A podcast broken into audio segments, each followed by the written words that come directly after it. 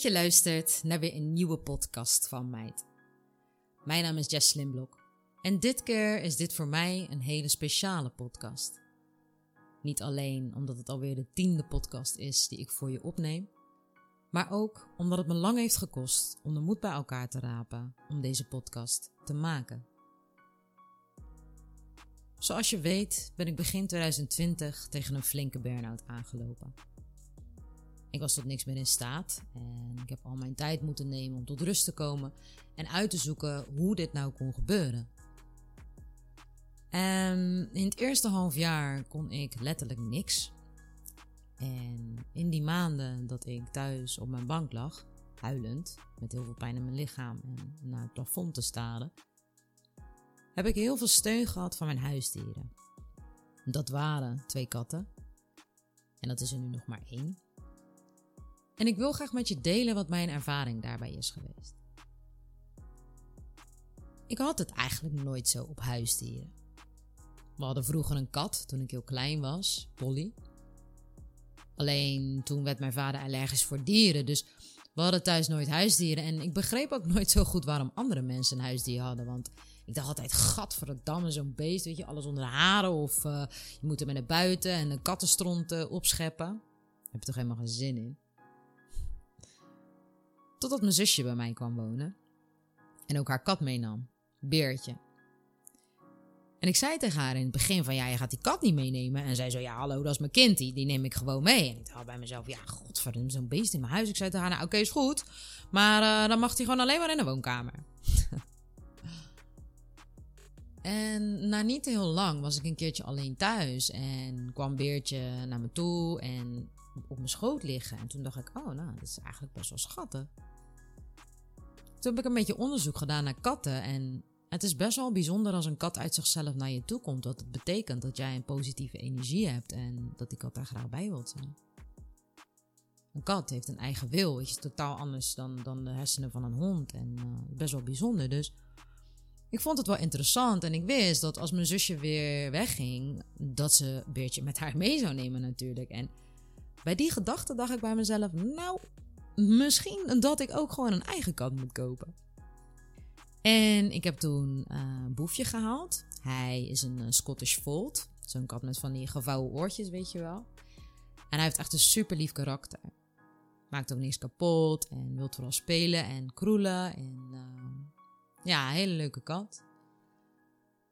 En toen kwam er op een gegeven moment een periode in mijn leven waarbij ik echt heel veel verdriet had. Mijn relatie stopte echt na acht jaar. En ik kon heel erg slecht met die situatie omgaan. En ik dacht bij mezelf: Weet je wat? Ik koop gewoon nieuwe liefde. Dus ik weer contact opgenomen met dezelfde fokker als waar ik Boefje had gehaald. En heel toevallig had hij op dat moment een nestje. En wat heel mooi was, was dat dat nestje precies van de vader en de moeder van Boefje uh, was. Dus de kittens waren letterlijk de broers en zusjes van Boefje. Dus ik ben naar de fokker, een katje gekozen en ik noemde hem Wolfje. En Wolfje was echt een totaal andere kat dan uh, Boefje. Super rebels en mij ook de hele tijd uitdagen. En was echt, echt een super leuke kat. En op een dag, toen ik in een heel zwaar stuk van die burn-out zat, werd er in de ochtend aangebeld. Ik loop naar beneden en ik doe de deur open en er wordt mij een bosje bloemen gebracht vanwege de moeilijke periode waar ik doorheen ging.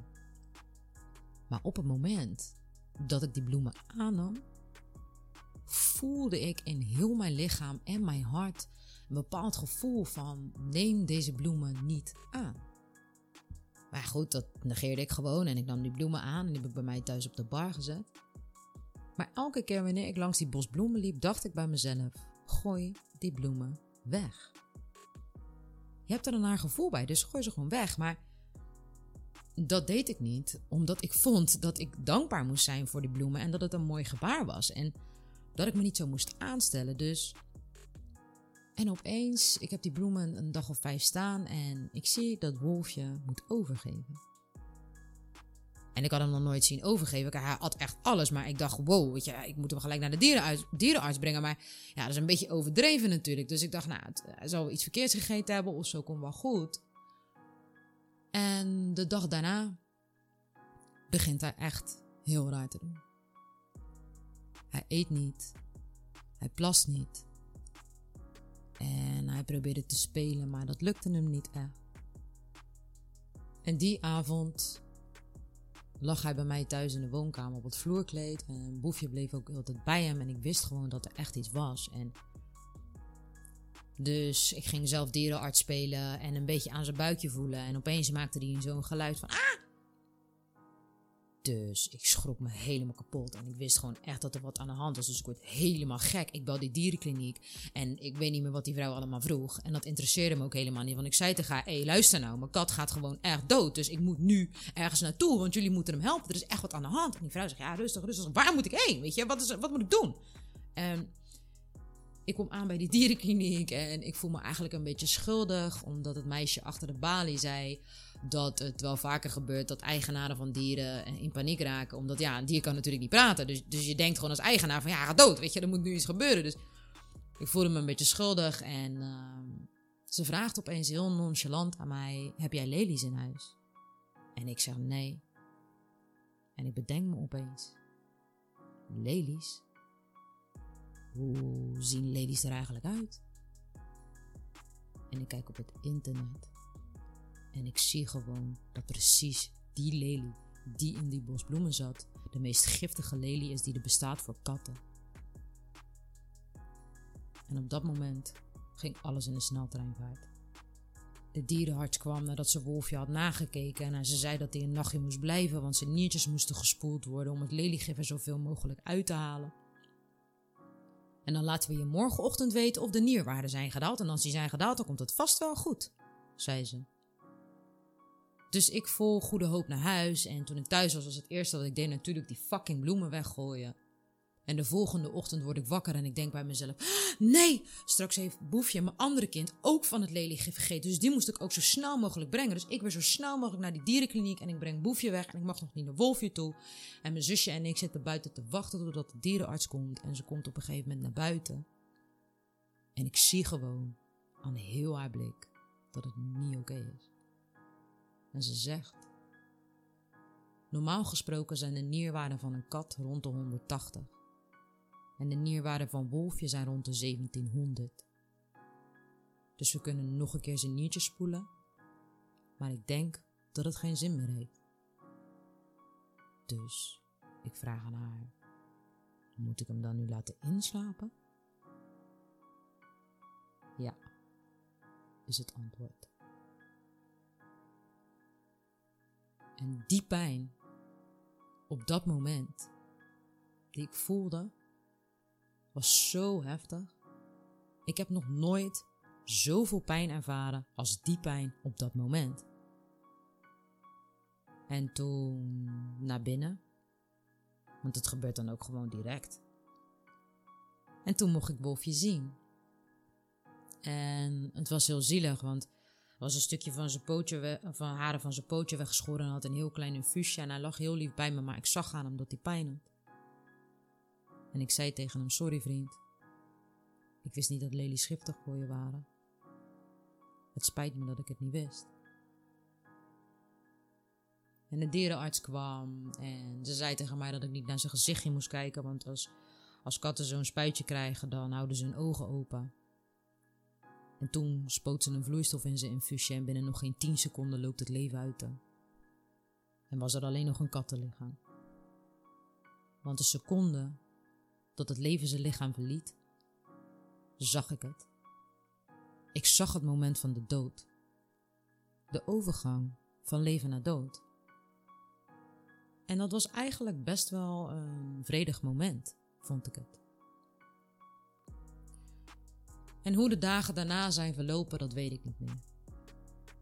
Ik had zo ongelooflijk veel pijn voor het feit dat het wezentje wat mij op zoveel verschillende soorten manieren heeft geholpen en mij iedere dag onvoorwaardelijke liefde heeft gegeven, mij moest verlaten.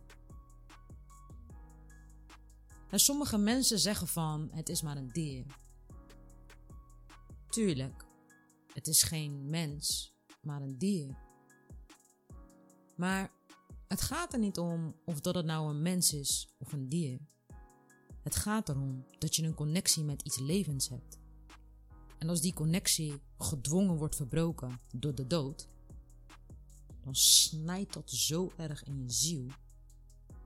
Dat is, dat is zo heftig. Dat, omdat je er gewoon echt niks aan kan doen. En het was ook heel raar voor Boefje. Ik vond het zo hartverscheurend, omdat hij heeft Wolfje wekenlang gezocht in huis. Want buiten het feit dat het broertjes waren, waren ze natuurlijk ook dikke maatjes, want ik was namelijk nooit thuis. Ik denk dat het leven mij deze situatie heeft gegeven om dingen te leren. En het is dan wel een hele harde manier om te leren. Maar het leven geeft je altijd alleen maar wat je aan kan en wat je nodig hebt. En schijnbaar is voor mij zo'n harde les nodig. Want ik heb mezelf ook heel erg lang schuldig gevoeld tegenover Wolfje dat ik, dat ik mijn intuïtie niet heb gevolgd. Want waarom, als ik van binnen donders goed wist en ik zo duidelijk voelde dat ik die bloemen niet wilde aannemen, waarom nam ik ze dan aan? Waarom gebeurt dat dan? En daar kan je dan lang of kort over nadenken, maar ja, het is gebeurd en het doet heel veel pijn. Maar weet je wat ik ervoor terug heb gekregen? Het is misschien een beetje gek om te zeggen, maar ik ben echt dankbaar. Want ik heb nu een intense band met Boefje ontwikkeld en ik waardeer hem nu veel meer dan eerst.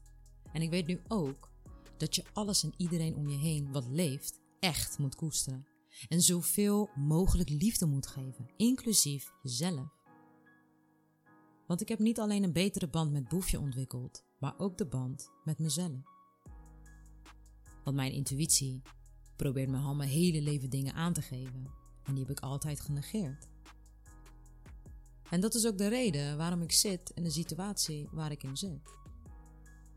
Maar ik weet nu dat wanneer mijn onderbuik, mijn intuïtie, mij iets probeert te vertellen, dan is dat zo. En dan is dat mijn waarheid op dat moment. Onze eigen ikkie is onze innerlijke kompas. En die geeft jou aan welke keuzes je moet maken in je leven.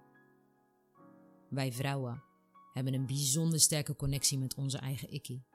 En hoe vaker je aandacht geeft aan die connectie, hoe makkelijker het wordt om er naar te luisteren. Dus als je van jezelf denkt van, hm, nou, ik sta eigenlijk helemaal niet zo goed in contact met mijn eigen ikkie, dan nodig ik je uit om minimaal 5 minuten van je 24 uur eraan te besteden. Want ik verzeker je, zodra je keuzes gaat maken gebaseerd op wat jouw eigen intuïtie tegen je zegt, dan zal je zien dat je leven steeds makkelijker gaat verlopen en dat er steeds meer mooie dingen en mensen op je pad komen. Dus bedenk goed wat je met je 24 uur doet. Hou van jezelf en bedankt voor het luisteren.